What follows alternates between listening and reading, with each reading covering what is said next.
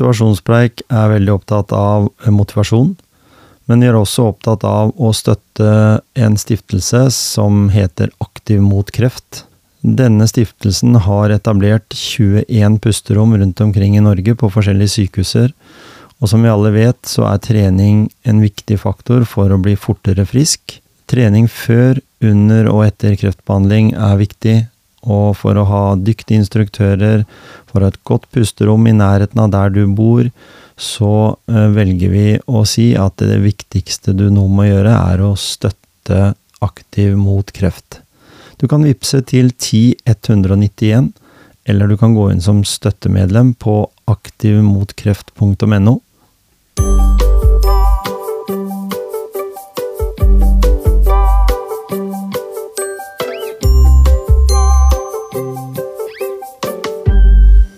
En ny episode i Motivasjonspreik, og jeg snakker med Klaus Lundekvam. Det er naturlig å snakke om fotball. Vi snakker om mental helse, og vi snakker om Born Supporter. Velkommen inn i denne episoden i Motivasjonspreik.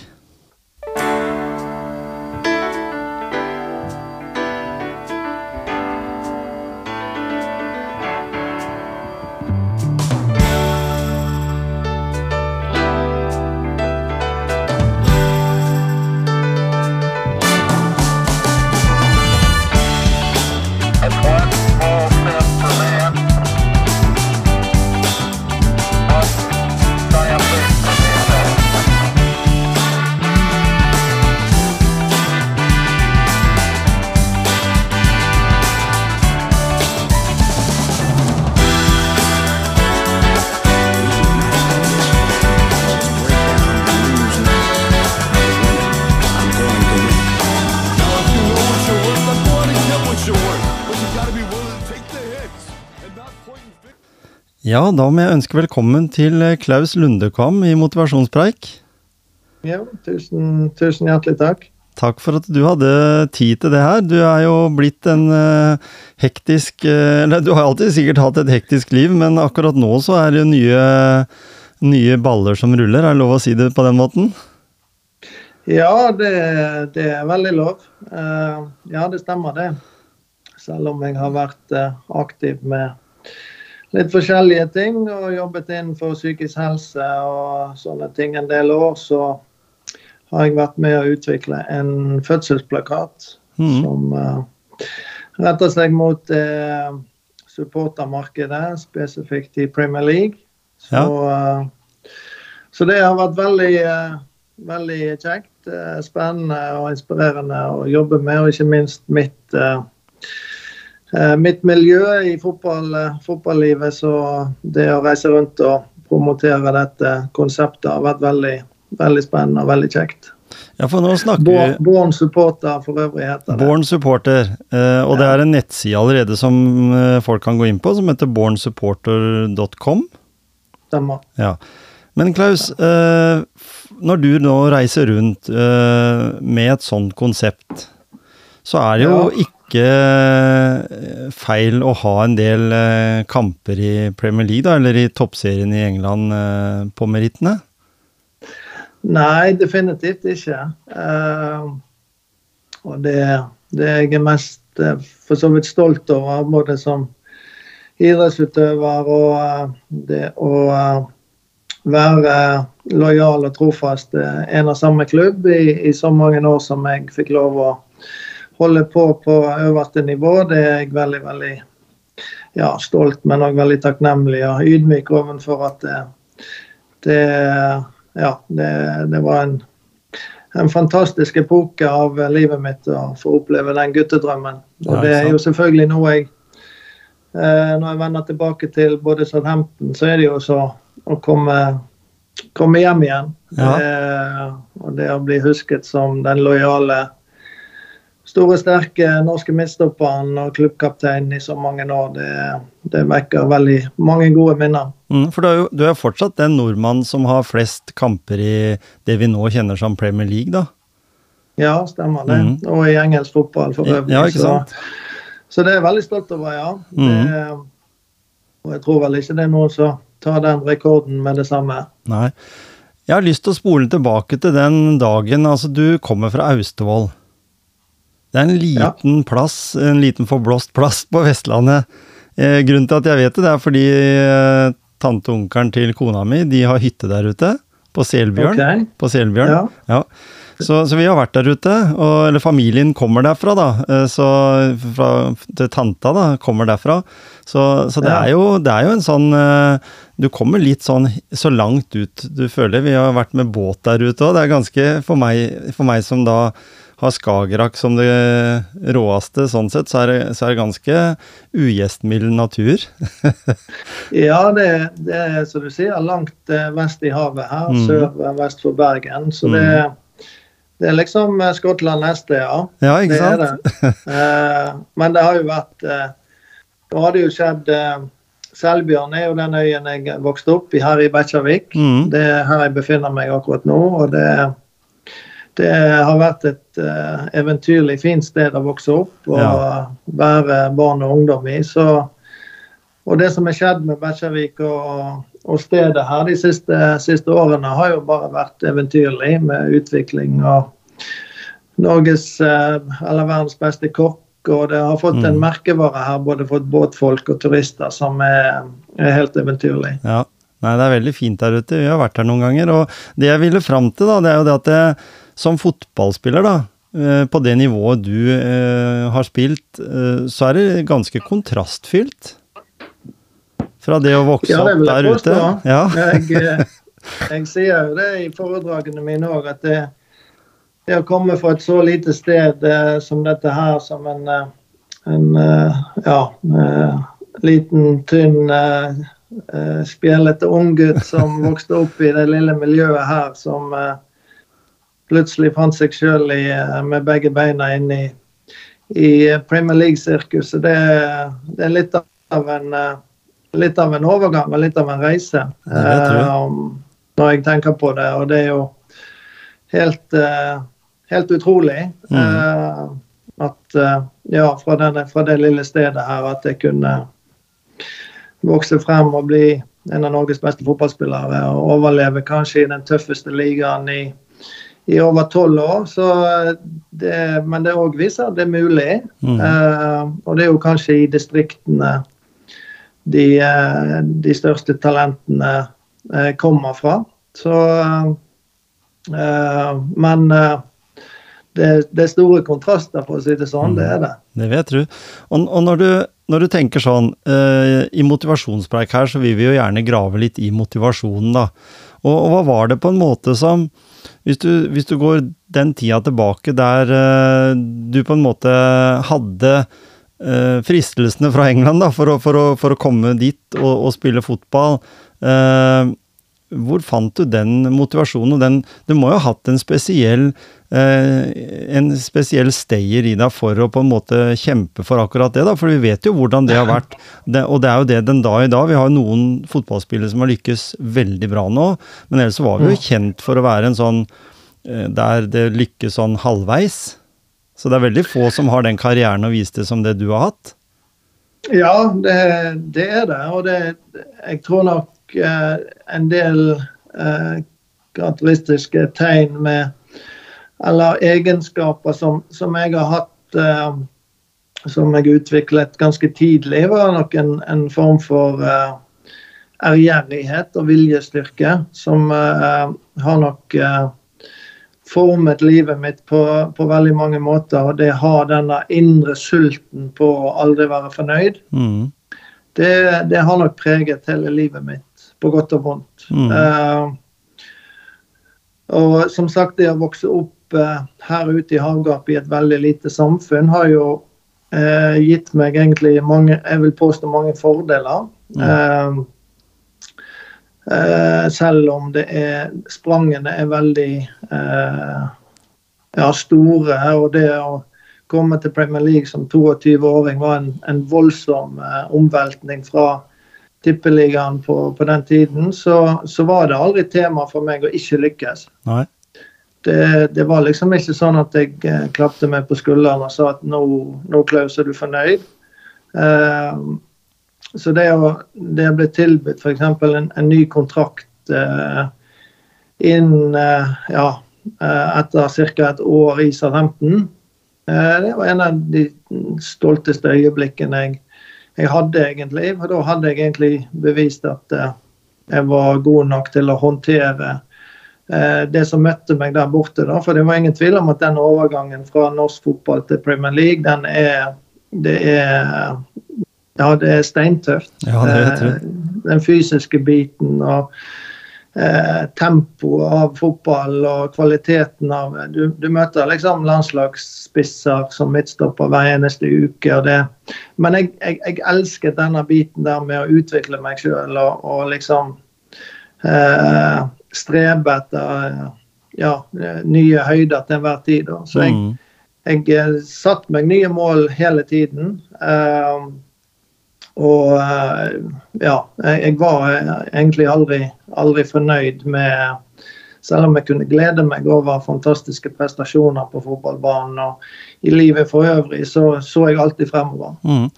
Var det lurt av deg, tror du, å velge Southampton som klubb? Altså sånn type Altså du har sikkert blitt frista, siden du var så stabil midtstopper eh, av klubben lenger opp i, i systemet, hvis en ser det. Men, det, men, men Southampton har jo vært et sånn, på en måte en sånn lag som, som, har holdt seg og holdt seg, men det var alltid veldig mye sånn kjemping om å ikke rykke ned òg. Så det var jo sikkert ja, veldig høy det var, great, great mm. escapes. Ja, ikke sant? Uh, det hadde vi, og spesielt de første sesongene jeg var der borte. Så var vi på papir egentlig eh, dømt ned og, og uh, på nedrykk hver eneste sesong. Men vi skapte noe veldig spesielt uh, de første årene jeg var der borte, som lærte meg utrolig mye om, om hvor sterk garderoben kan, kan bli, og, mm. og, hvor viktig garderoben Det er liksom hjertet i, i hver eneste fotballklubb. det er det er hvor, hvor god og sterk garderobe du har. Og det, det, det, husker jeg veldig veldig godt. At vi var veldig flinke til å, til å både inkludere og, og, eh, ta vare på hverandre. Ikke bare som fotballspillere, men som mennesker. Mm, ikke sant? Eh, og skapte en liksom veldig sterk tilhørighet til den garderoben og til det, det, det vi skulle prestere sammen og var villig til å nesten dø for hverandre. Eh, og så tror jeg det noe av det aller viktigste med å skape et, eh, et fungerende konkurransemiljø som, som en, en, garderobe, er, eh, er det å liksom ikke eh, Du spiller for deg sjøl og du, du, eh, presterer for deg sjøl, men eh, hvis du får sterke følelser og liksom en drive for å ikke skuffe lagkameratene dine i tillegg, mm.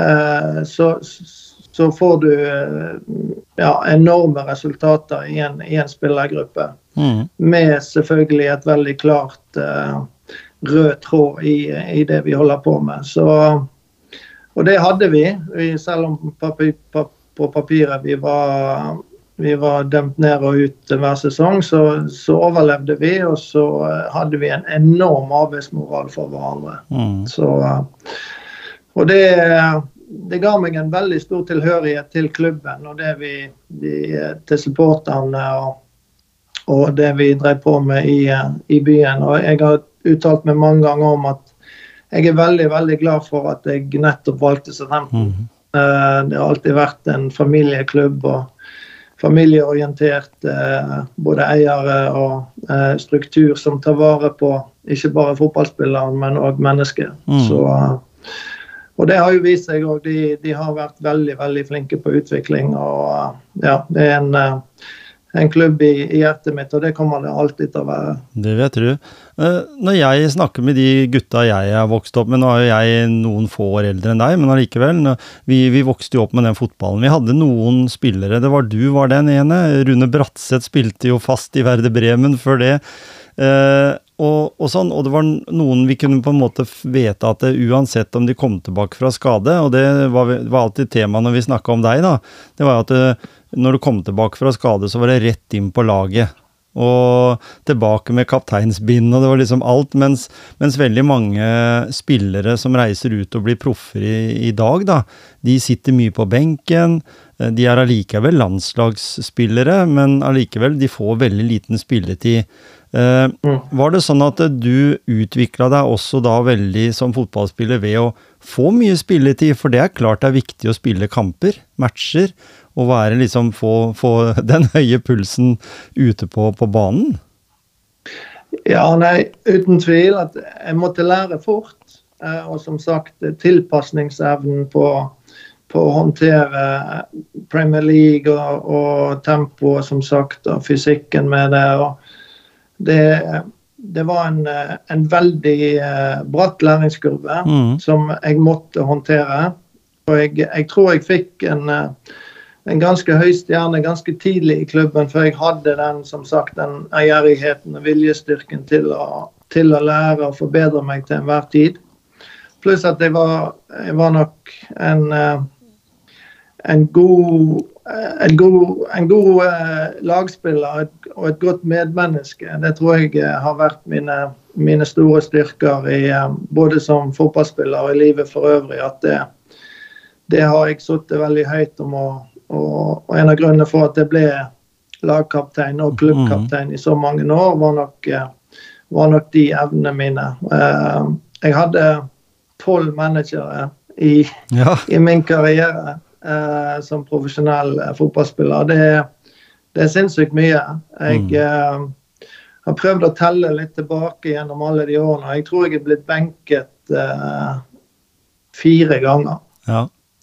Uh, og det sier vel litt om den ærgjerrigheten og den ja, indre faenskapen jeg hadde, da. Mm. Som uh, Og jeg skulle liksom ikke, selv om jeg var skadet, og jeg skulle ikke skuffe lagkameratene mine og supporterne og alt det som var rundt klubben for å eh, for å prestere og prøve å, å vinne fotballkamper for Southampton til hver tid. Og det, det tror jeg både supportere og klubbledelse og alle, alle, så veldig tidlig at jeg var en veldig lojal, hardtarbeidende norsk midtstopper som uh, som òg kunne spille fotball. For mm. det, det, krever ikke bare dette jeg snakker om, det krever òg et talent og et treningstalent, ikke minst, som, som uh, må tåle både mye smerte og, og uh, påkjenning. For det er jo ingen tvil om at det å leve som toppidrettsutøver og i Premier League, så er det jo den mentale biten med å tenke prestasjon 24-7,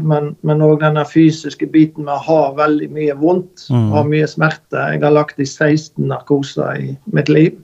Mm. 15 av de har vært fotballrelaterte skader. Så det var liksom sånn eh, samlebånd hver sommer på operasjoner som, som var fotballrelaterte. Så, eh, men når det er sagt, så, så vil jeg jo påstå at jeg har vært ganske heldig og privilegert at selv om jeg har hatt en del alvorlige skader, så har jeg eh, kommet meg på banen igjen eh, mm. ganske fort. Mm.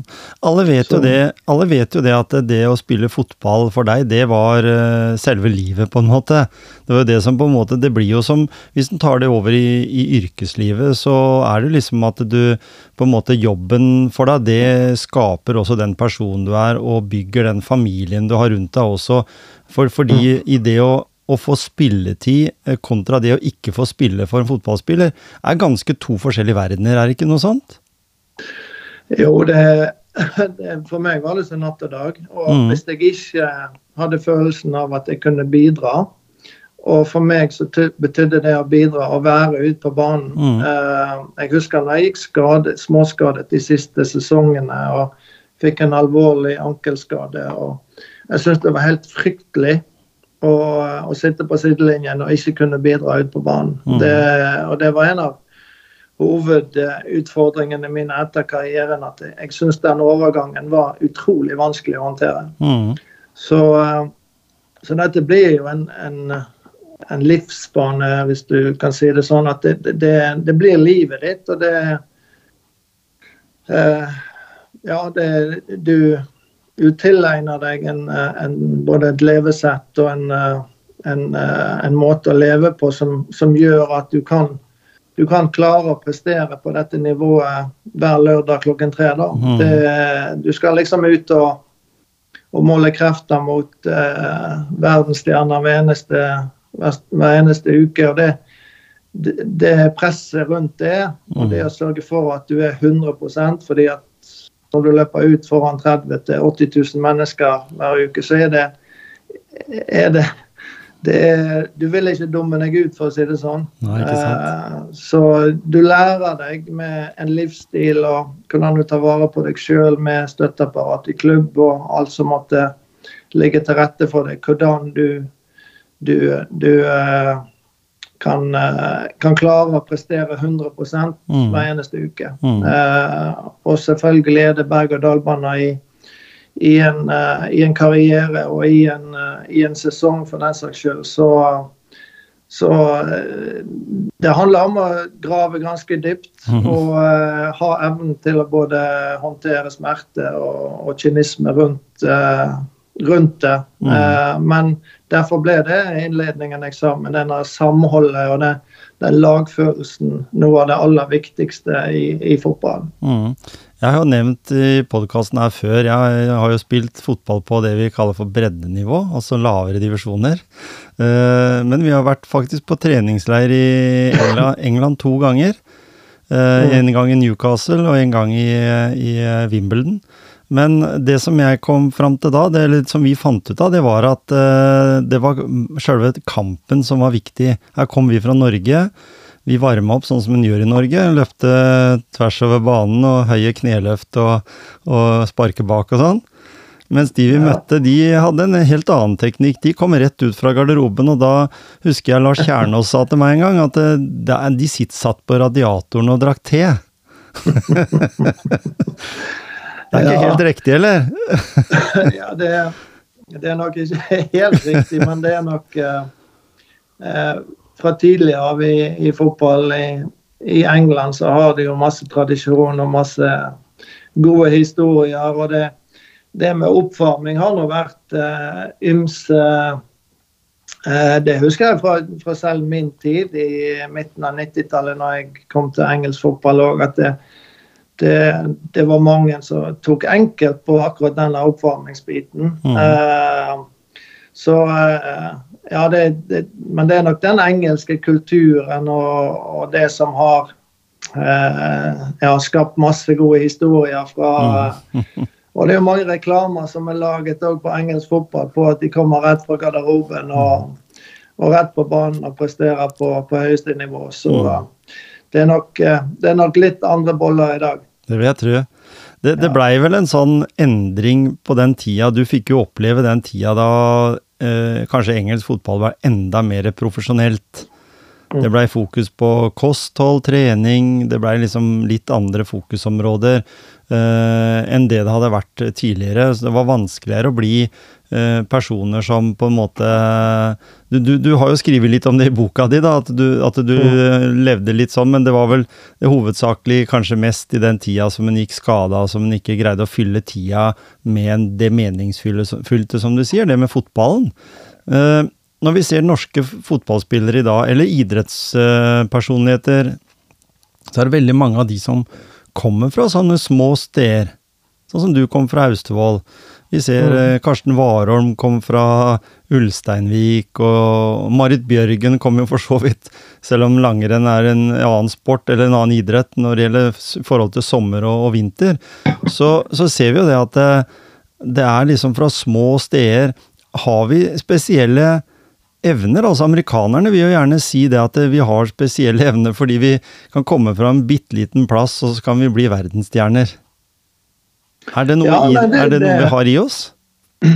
Ja, jeg, jeg tror det er litt av det vi snakket om òg, at eh, vi, eh, vi, eh, vi er litt jordnære. Og så tror jeg noe av det viktigste med å oppnå det jeg har oppnådd, er å beholde ydmykheten. Og det, det fikk jeg i oppveksten min. og en del gode verdier med å vokse opp på et lite sted. Og så tror jeg for min del det å vokse opp i et ulendt terreng og bruke naturen Jeg ble jo god på humpete grusbaner og gressbaner som Vi hadde ikke noe kunstgress å bli god på. Eh, Jeg, var veldig allsidig i veldig mange år. Jeg drev med andre typer idretter som jeg definitivt ga meg et, et fortrinn. Jeg utviklet sterke ledd sterke ankler og, og, sånne ting med å, med å være i ulendt terreng og, og, og være allsidig i, i, mange år. Og så tror jeg det er noe med det å være, være et stort talent i et litt mindre miljø er sunt. I den forstand at du kan være helt i, i moderklubben din litt lengre mm. enn du kanskje kan være i dag. Jeg tror eh, Selvsagt Hampton og de store klubbene henter jo talenter nå nede i 8-9-årsalderen. Og, og begynner å forme de allerede da. og det det er jeg litt sånn eh, det, det, er vel og, vel og bra. Jeg, jeg, skjønner det på, på mange plan, men eh, for min del, så når jeg tenker på karrieren min og, og hvordan jeg eh, ble god, så, så, tror jeg det er mange elementer der med å vokse opp på et lite sted og, og være jordnær i, eh, i litt lengre enn det du blir med, med å plukket opp av, av en storklubb tidlig. Mm. For det, mm. de får problemer med å hospitere og, og tilrettelegge eh, utvikling, tror jeg. For det, det, er veldig individuelt hvordan du utvikler deg i la oss si, fra 12 til 16-17-årsalderen. Mm. Det, det, er veldig individuelt. Så, så eh, for min del så føler jeg iallfall at jeg hadde store eh, fordeler med å vokse opp i et, et, lite, et, et lite, samfunn, og, og fikk eh, være litt sånn eh, veldig god i noen år eh, i, en, i, en, mindre klubb da, før mm. Alvoret kom. For alvoret kommer tidlig nok i all type toppidrett. sant? Og, og eh, da Jeg møter jo unge gutter og jenter i dag som kan komme til meg og si at de er utbrent når de er 18-19 år. Ja. Og da er det jo noe som, som ikke er riktig, føler jeg. Og det, det har med den, den, gleden med å gå på trening, den gleden med kameratene, venninnene dine du skal, du skal trene sammen med. Og den, eh, hvis det blir for alvor for tidlig, så tror jeg veldig mange kan, kan brenne seg ut og, og, og bli et, ja, et, en, en treningsslave som, eh, som, mister gleden av idretten sin. Mm. Og, og, når vi snakker om da akkurat det du sier der, eh, hvilken Altså, hvem var det på en måte som kan si som motiverte deg på veien? Altså som du kan si altså, For du, du, du fikk jo aldersbestemte landslagskamper også? Så du på en ja, måte kom ganske tidlig inn i Ja, jeg hadde 25-30 U21-landskamper for Norge. Ja. ja, ikke sant? Ja. Og vi snakker jo da om at uh, du på en måte utvikla deg jo tidlig, mens andre som, som jeg har hatt der, i Frode Johnsen f.eks., var ikke en sånn som hevda seg noe så videre, men så kom det etter hvert, for han vokste, blei noen de uh, er i puberteten tidlig, andre litt seint, sånn at det blir litt forskjellig. Så, så, det er jo vanskelig å si at fotballtalentet i seg sjøl uh, er på type 15 år som Martin Ødegaard. Det er jo veldig få som er der, egentlig. Ja, det, det, er veldig få som er der, som, som Martin var. Og, og, eh, mange andre med han som er veldig veldig store talenter i ung alder. Mm. Men fra å være et stort talent, treningstalent med god teknikk, basisferdighet og alt dette her, til å, til å tre inn i den profesjonelle verden og hevde seg på øverste nivå i, i fotball eller annen idrett, det, mm. det, krever veldig mye andre ting. Mm. og uh, og modenhet. Mm. Eh, og der er vi veldig forskjellige, og derfor er det viktig å ha det perspektivet på at vi, eh, vi utvikler oss forskjellig. Og det, det, er mange som ikke får den der store utviklingen med Og her har det med det kognitive å gjøre òg. På, mm.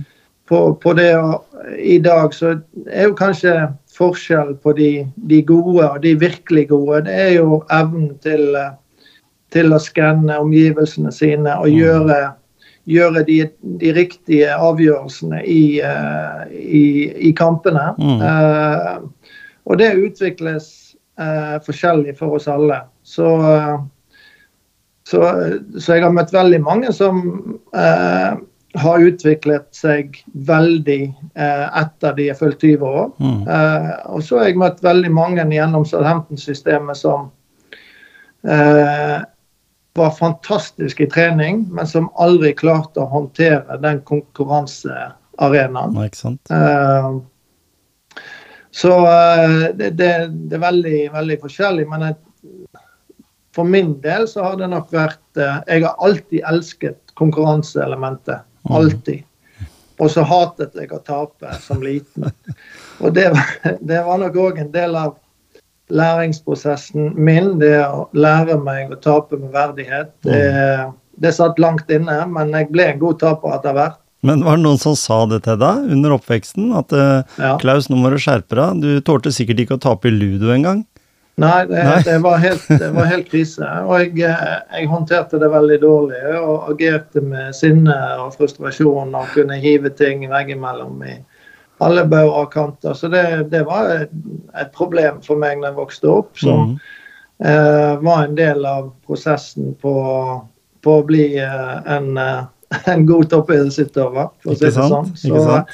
Men det var jo denne indre faenskapen og liksom sulten på å, å, å være best. Å Mm. være liksom den eneren som, som kreves for å kanskje nå det jeg nådde i så mange år. Det, det er jo en, en eventyrlig guttedrøm. Og det er så mange elementer som skal klaffe for at, for at du når det, og det jeg fikk oppleve. Derfor er jeg så ekstremt takknemlig i dag. For nåløyet er så lite, Mm. og det er så mange som ønsker å oppleve den guttedrømmen som, som jeg var heldig nok til å og flink nok til å, å oppleve. Så, så det, det, det er veldig mange elementer. Men eh, jeg, jeg syns det er jo litt trist når jeg eh, møter unge gutter og jenter i dag i 18-19-årsalderen som, som eh, ikke ønsker å spille fotball lenger fordi at de har mistet gleden med det. Mm. Da, det syns jeg er trist. Mm. Og da, der tenker jeg litt på det, mange sier jo det, eller har sagt det opp gjennom året, at du, du var en spiller da, du sier jo det sjøl også, at du utvikla måten å spille på gjennom eh, små kår i Norge, men du, du utvikla da også den veien du måtte for å bli en god midtstopper i engelsk fotball, da, fordi det er jo sånn at i England så Altså, mange sier at du hadde jo en engelsk eh, spillestil òg, fordi du var jo nådeløs og, og du var god til å takle. Du var på mann, ikke sant. Du gjorde de tinga som, som kanskje også kjennetegner en kombo av ja, nordmenn. Fordi vi, vi fostra jo veldig mange gode midtstoppere, eller har gjort det opp gjennom åra. Men Ja. at du var tilpasningsdyktig også til den engelske spillestilen, noe som igjen gjorde at du var veldig lojal til den klubben. Kanskje litt sånn eh, Den lojaliteten er litt borte i England nå blitt, kanskje? Jeg tenker på sånn penger Du, du tjente sikkert mer enn nok du i forhold til å spille på, på det nivået du gjorde, men i dag så virker det nesten som at eh, en har ikke den lojaliteten til klubben som du hadde. Det er litt mer sånn penga som rår. Ja, det er vel en av de tingene jeg syns det mest eh, Eller jeg, jeg, eh, jeg syns det er trist å, å se det mangel på, på eh, eh, liksom Vi har det litt i Southampton eh, i dag, faktisk. Mm. Vi, vi har for mange spillere som, som ikke har eh, bryr seg nok, rett og slett.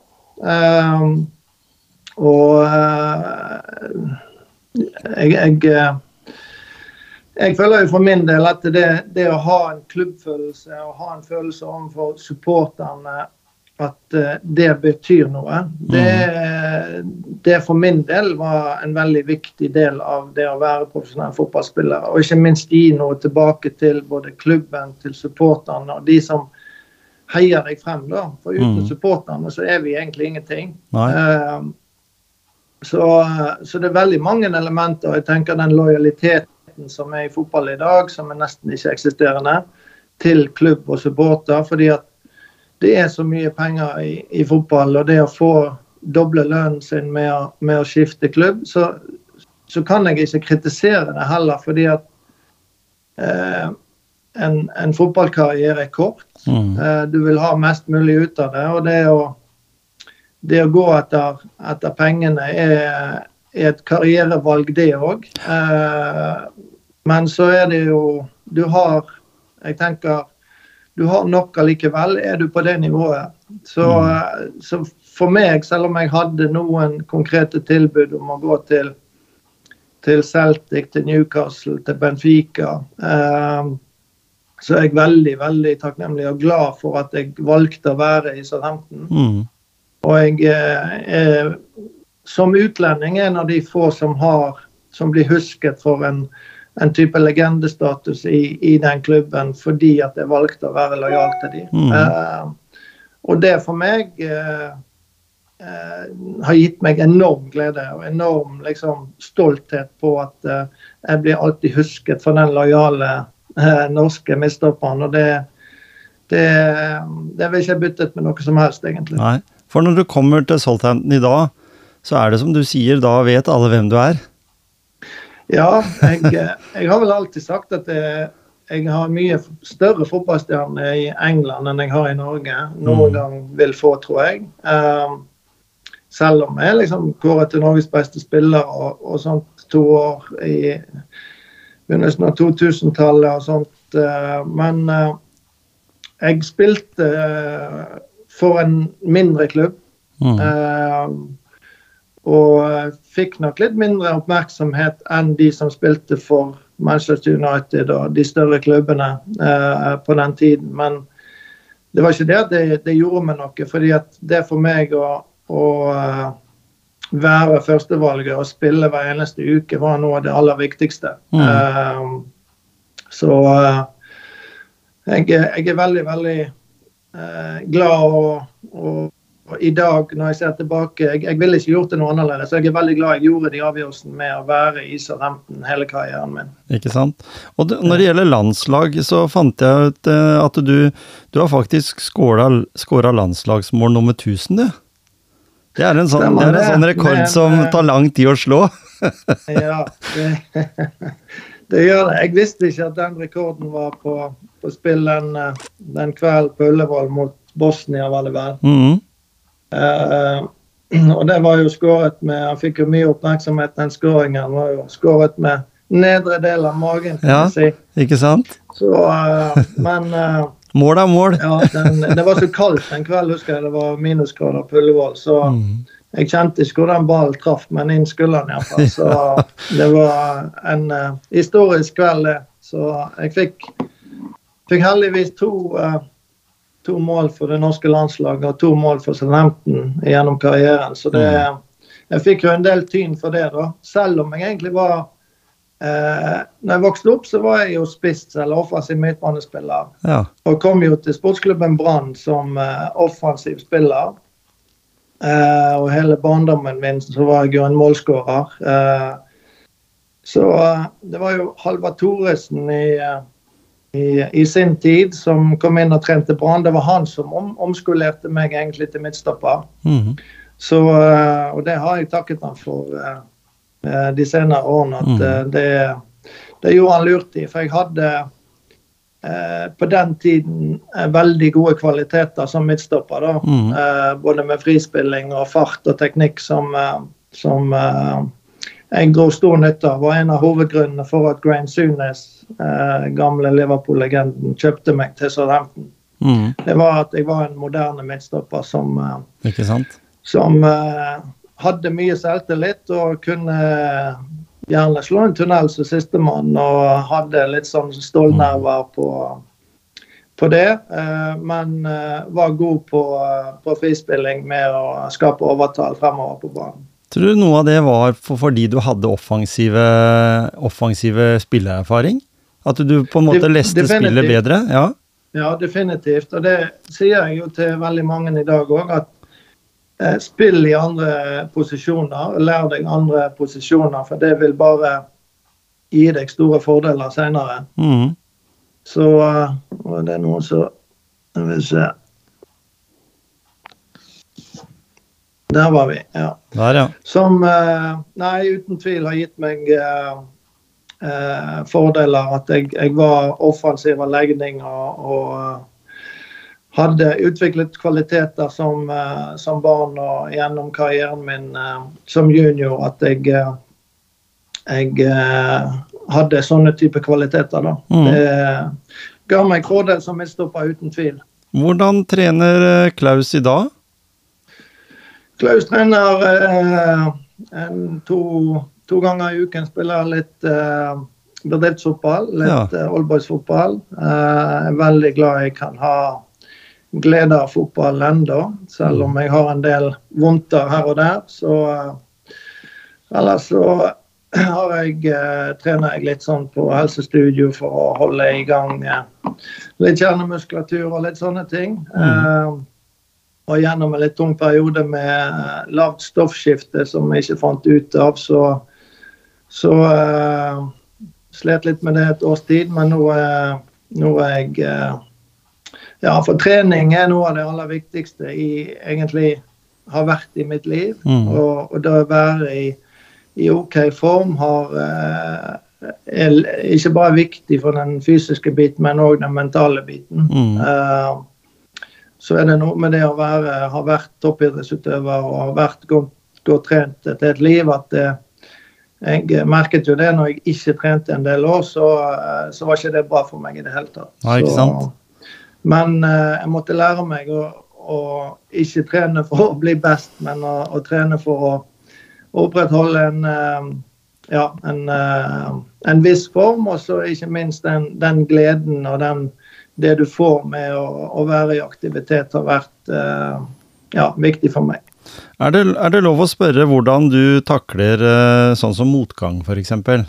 Hva var dine klare eh, strategier når du, når du butta litt imot? Vet, alle vet jo det at du i en periode da du var skada og, og sånn i forhold til fotballen, så blei en på en måte kanskje litt sånn distansert ut av selve garderobemiljøet, som du sa.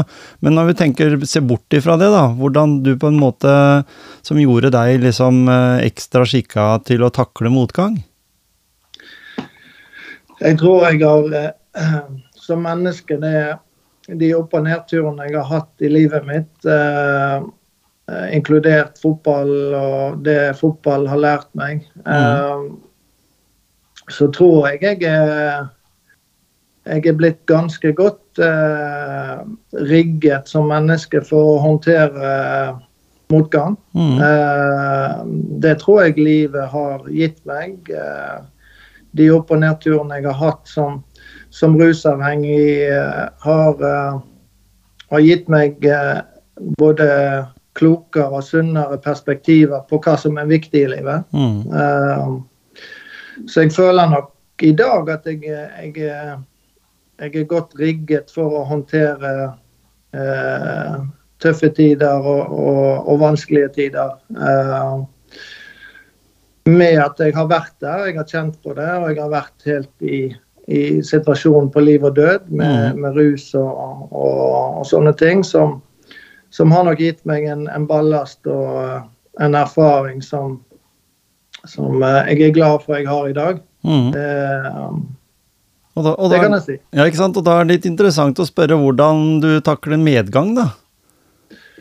Hvordan Medgang følelsen er. er Ja. jo, er jo eh, noe vi alle streber etter i, i hverdagen. og, og sånt. Jeg, jeg tror terskelen for meg for å være eh, lykkelig, eller hva lykkelig er for hver enkelt, det, det, den terskelen har nok jeg eh, måtte senke Mm. eh, for å skape dagligdags glede i de små tingene. Det er nok noe av det viktigste jeg har lært meg etter fotballkarrieren. At eh, jeg må ikke være best, jeg må ikke strebe etter noe nytt og bedre til enhver tid. Eh, og det tok en del år før jeg eh, lærte meg, rett og slett. Så, men når det går for godt for Klaus Lundekvam, og jeg får for mye applaus og for mye bekreftelser og, og sånt over kanskje tid, så kan det være at jeg eh, kan være enda mer sårbar enn når jeg har det tyngre eller er Mm. inne i en tung periode. For da blir jeg veldig ærgjerrig. Da blir Mm. jeg veldig sta. Eh, så eh, litt sånn motsatt av kanskje folk flest. Men, eh, og det har nok med, med ja, det idrettslivet jeg har levd. Mm. Så, ma så mange år som toppidrettsutøver, Ja. egentlig. Eh, Ja. når vi nå tenker at Vi vet jo det at du har jobba for mental helse, det sa du jo også. Uh, og sånn. Så syns jeg det er litt spennende å avslutte litt. Vi må prate om, om Born supporter. Ja. Fordi, fordi, det som nemlig er her, det er at jeg vil tro at det er en ganske Det det har begynt med noen engelske lag. Og dette er jo lisensprodukter, ikke sant. Altså du skal bruke en klubbs uh, varemerke som er logoen, uh, og så skal du uh, jobbe litt med det. Du, vi var jo inne på det her i starten at du har jo en del nettverk i engelsk fotball. Men hvor er det hvor er det jobben ligger nå for å få dette her til å være mer Altså for å få samla alle klubbene da inn under dette. For det er jo utrolig gøy å kunne bruke et foto av barna sine uh, og henge på veggen. Jeg ser jo uh, mine barnebarn, da. De har Dattera og svigersønn de har liksom oppe en sånn plakat som, kan, som ikke har med fotball å gjøre. Men, men han, svigersønnen min han er skikkelig United-supporter, så han ville nok helt sikkert hatt United-plakater ja, de, de, de, skal jo krøkes tidlig i dag. Ja, ikke sant? Så nei, det har vært utrolig uh, inspirerende og spennende. Og, og veldig kjekt å være med og utvikle denne her fødselsplakaten da, som, mm. som Born supporter er. Uh, og det er jo et, eh, et veldig gjennomprøvd og, godt produkt. Mm. Det er kvalitet i alle ledd av det, både nettsiden vår, selve alt som er brukt av, eh, av trykkeri er det beste. og, og det det er en eh, og derfor er nok, eh, og det har vært viktig for oss, at vi ikke skal være en døgnflue, men vi skal være noen som skal overleve i det markedet. Mm. Så når vi har introdusert dette, og litt av jobben min tidlig har jo vært selvfølgelig å åpne en del dører mm. med nettverket mitt i, i, England. Og det har gitt oss allerede fem, fem klubber som mm. vi har gjort Eh, eh, ja, for å si langvarige eh, lisensavtaler med. Og feedbacken og, og, og, og sånt fra klubbene har jo vært veldig veldig positiv og veldig veldig kjekt pga. Eh, det er et unikt produkt. Det er mm. ingen andre på markedet som, som har en sånn type fødselsplakat. Eh, men òg med et sånt eh, design som som uh, hver supporter vil gjenkjenne seg i av mm. den klubben. Så, så, selvfølgelig, nå er det jo uh, Nå har vi åpnet to klubber, Fulham og, Chelsea. Vi, vi, åpnet Chelsea for, i forrige uke, og det er vår første storklubb. Mm. Og gjort avtaler med, med, Arsenal og Tottenham og Southampton, som også kommer de neste månedene. Mm. Uh, så uh, nå er det liksom å gjøre Born supporter uh, mer synlig. Mm. selvfølgelig inn mot supporternettverk i Norge og supporterklubber og, og, sånne ting. Men dette er jo et offisielt klubbprodukt òg. Mm. Vi, vi, har gått i, gjennom alle de riktige kanalene i, i hver enkelt klubb. Mm.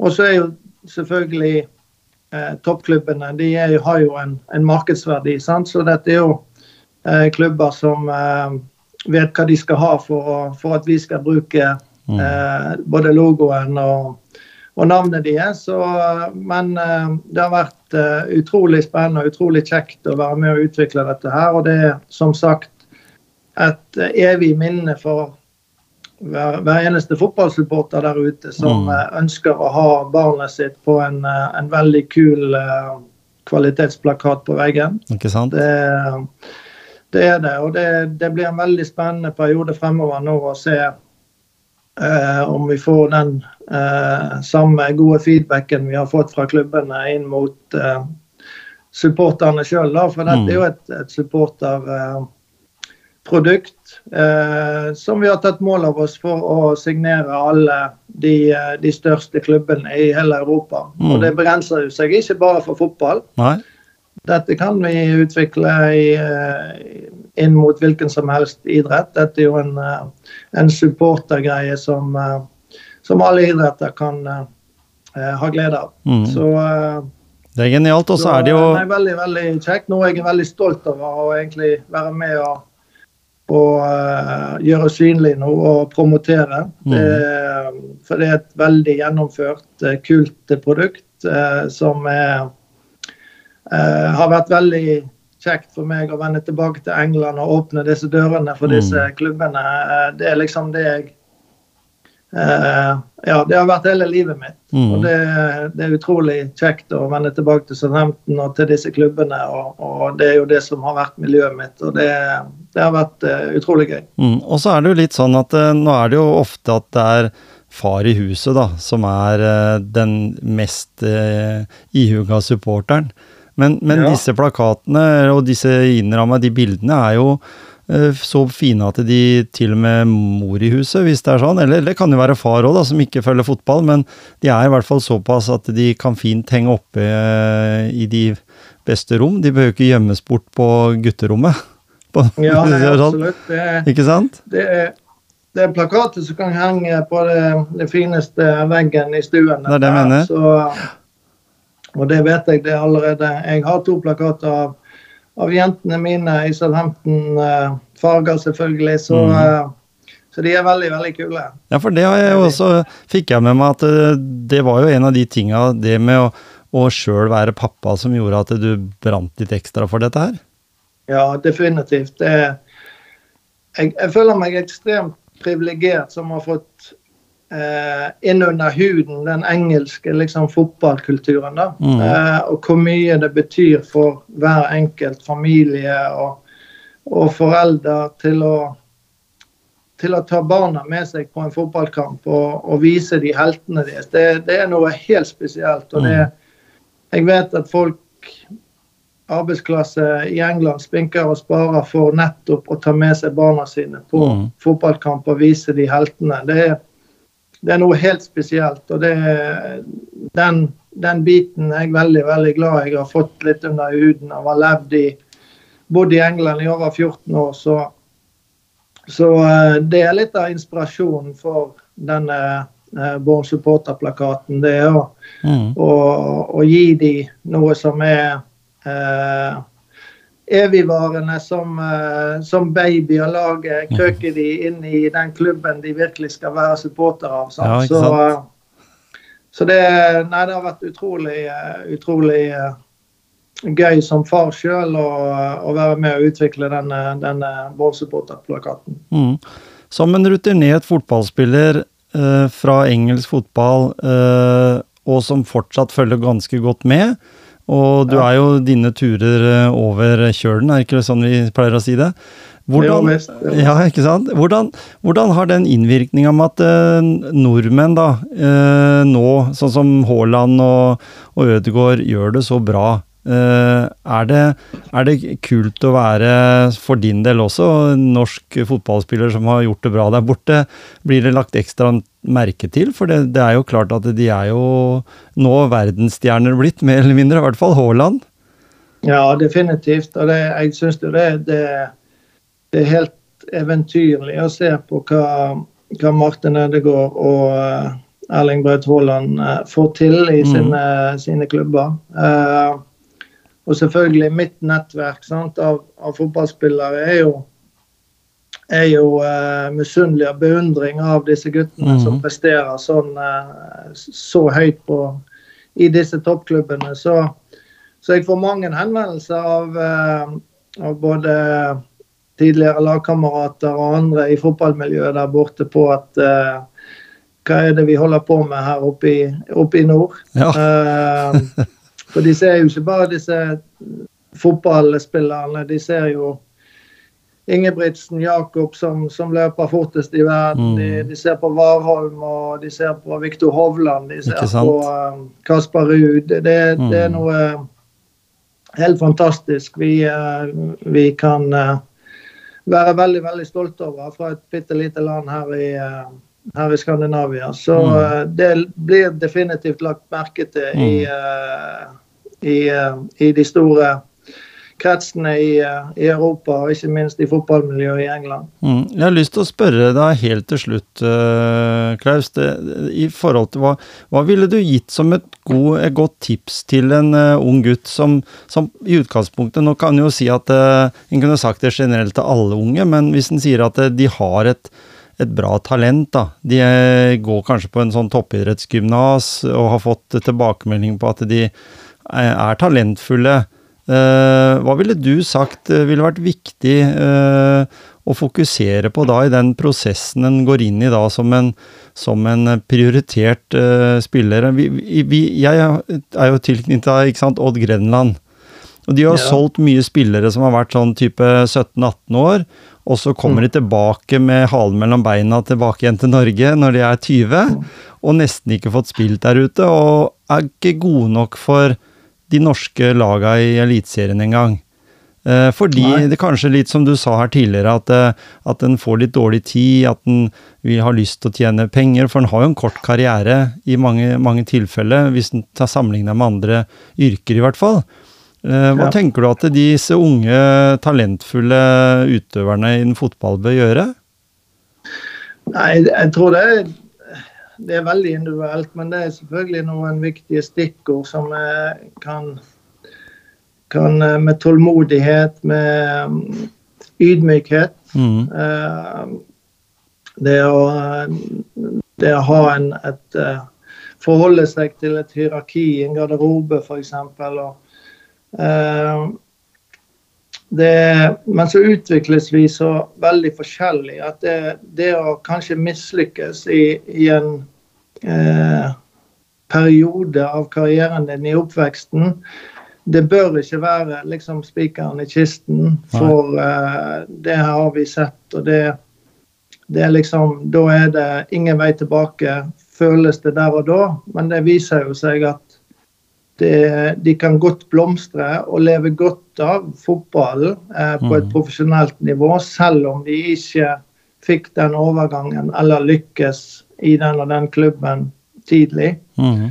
Så, så, tålmodighet, ydmykhet for egen utvikling. Eh, og så tror jeg jeg vil tilbake til den eh, selvfølgelig gledesbiten og trivsel med å gå på trening hver dag. For det, det skal eh, det skal tilrettelegges så enormt mange treningstimer. Mm.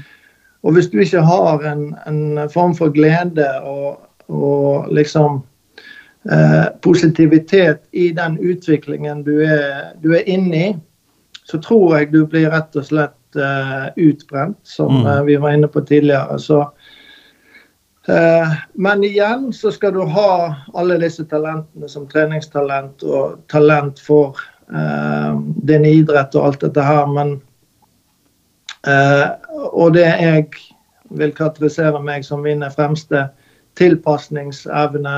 Eh, den indre sulten på, mm. på liksom eh, Ikke være fornøyd, men uh, allikevel ha glede på veien. Det er det, det blir avgjørende for, for, de aller fleste, tror jeg. Så, Ikke sant?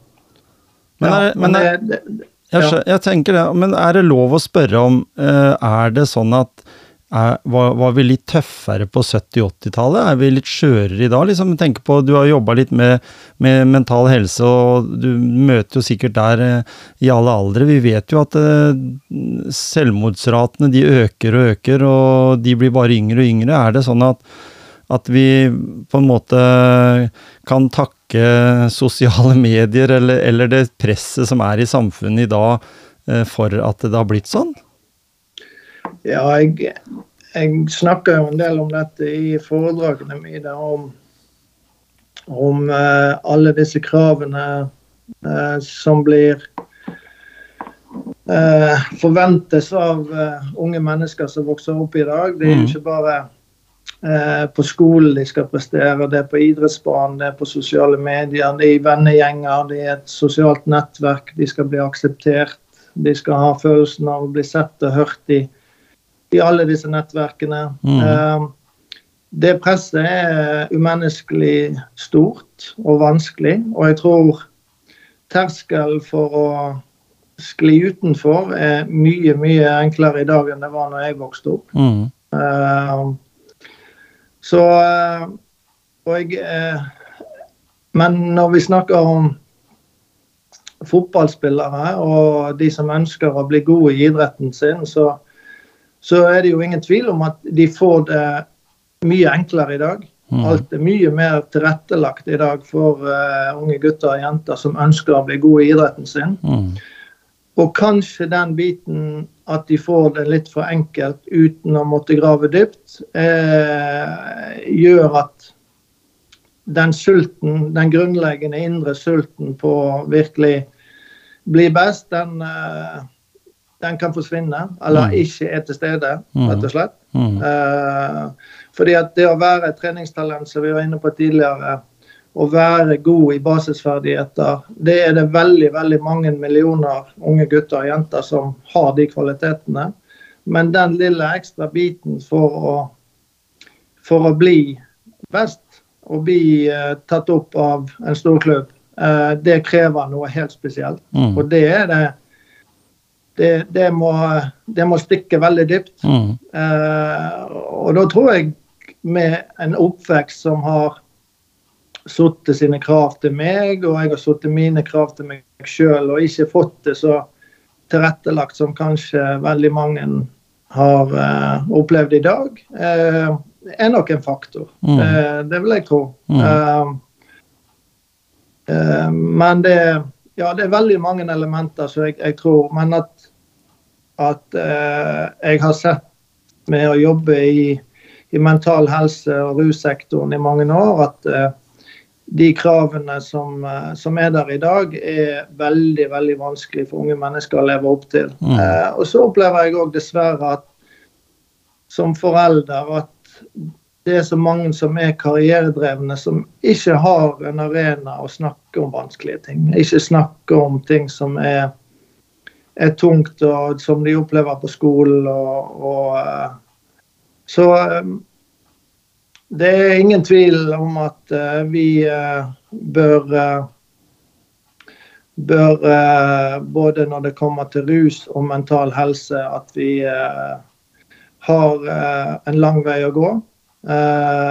Og at jeg velger å sette et, en stemme og et ansikt til den problematikken, det, Mm. det har jeg valgt å gjøre. og det, det føler jeg gir meg veldig mye. Og det, det vil jeg fortsatt gjøre. For jeg tror nok at den stigmatiseringen og den, det tabubelagte med å snakke om mental helse og rus er, er fortsatt eh, vanskelig i, i Norge. Mm. Eh, og det har nok med at vi er vi er en velstående nasjon og har en, eh, en eh, ja eh, en litt enklere holdning til det kanskje enn enn, eh, folk flest. Men eh, ja, det, det er mange elementer med dette her som er, jeg, jeg tror eh, jeg har sett og ser er, vanskelig for unge gutter og jenter som vokser opp. Ikke sant?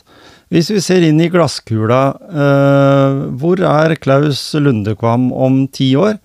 Hva, hva, hva er målsetningen din, i og med at du snakker om at du har ganske tydelige mål? Det har du jo hatt liksom helt ifra du eh, ble tatt ut på landslaget og, og, og du fikk spilletid i, i England.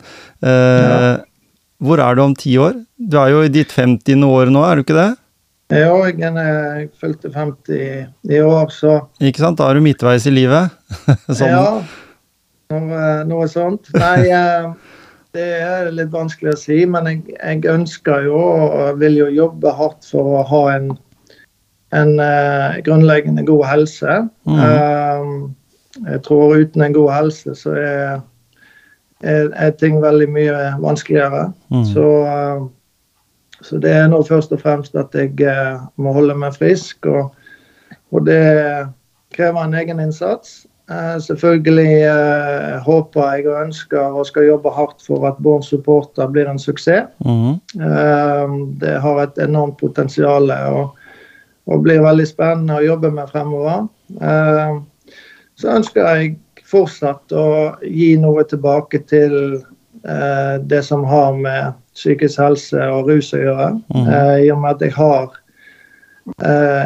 egne levde erfaringer fra de områdene, så, og valgt å være så åpen og ærlig om det, så er det Mm. noe som jeg eh, føler eh, kommer meg naturlig å, å, eh, å dele og fortsette å, og drive litt sånn forebyggende foredrag inn mot uh, skole og ungdom og, og, og sånt som, uh, som gir mye ja, mening og, og perspektiv for meg sjøl. Mm, mm, for det er definitivt viktig å bruke mer ressurser på forebyggende Uh, altså sånn som du sier, foredrag i forhold til både helse vår, både den fysiske og, og psykiske helsen. Det er definitivt viktig. Absolutt. Jeg håper at, Ja, nei, det eh, vi, jeg håper at Born Supporter kommer til å lykkes, uh, og at uh, den klubben som jeg på en måte heier mest på, da Liverpool, snart Ja, kommer også vi. kommer på lista, for da kommer jeg til å bestille det til mine barnebarn. Eh, Definitivt. det er fantastisk. Ja, Nei da, vi har vært i kontakt med Liverpool, så de Mm. kommer, de. ja, og jeg, det er ikke det at eh, jeg er eh, supporter. Jeg har holdt med Southampton i mange matcher mot eh, Og nå blir det litt City noen ganger og litt Arsenal og sånn, men siden jeg har vært liksom Liverpool-supporter eh, siden det året du blei født, så må jeg nesten være litt eh, lojal der òg, akkurat som du var lojal til din klubb.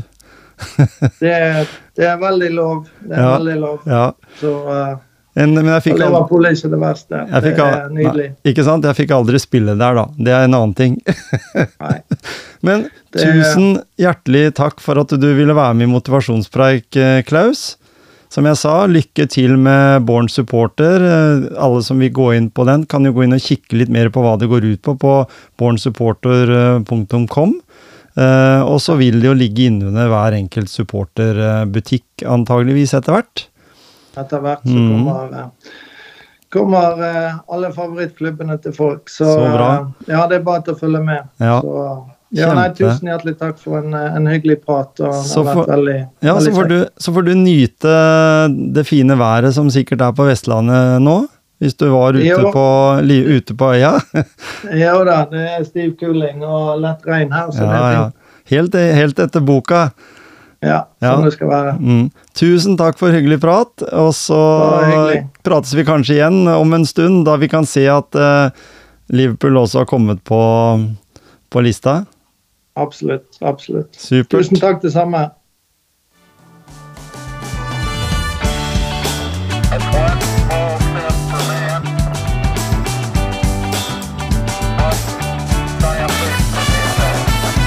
Og da var en eh, episode over for denne gang. Ny episode i Motivasjonspreik kommer om en uke, så tune in!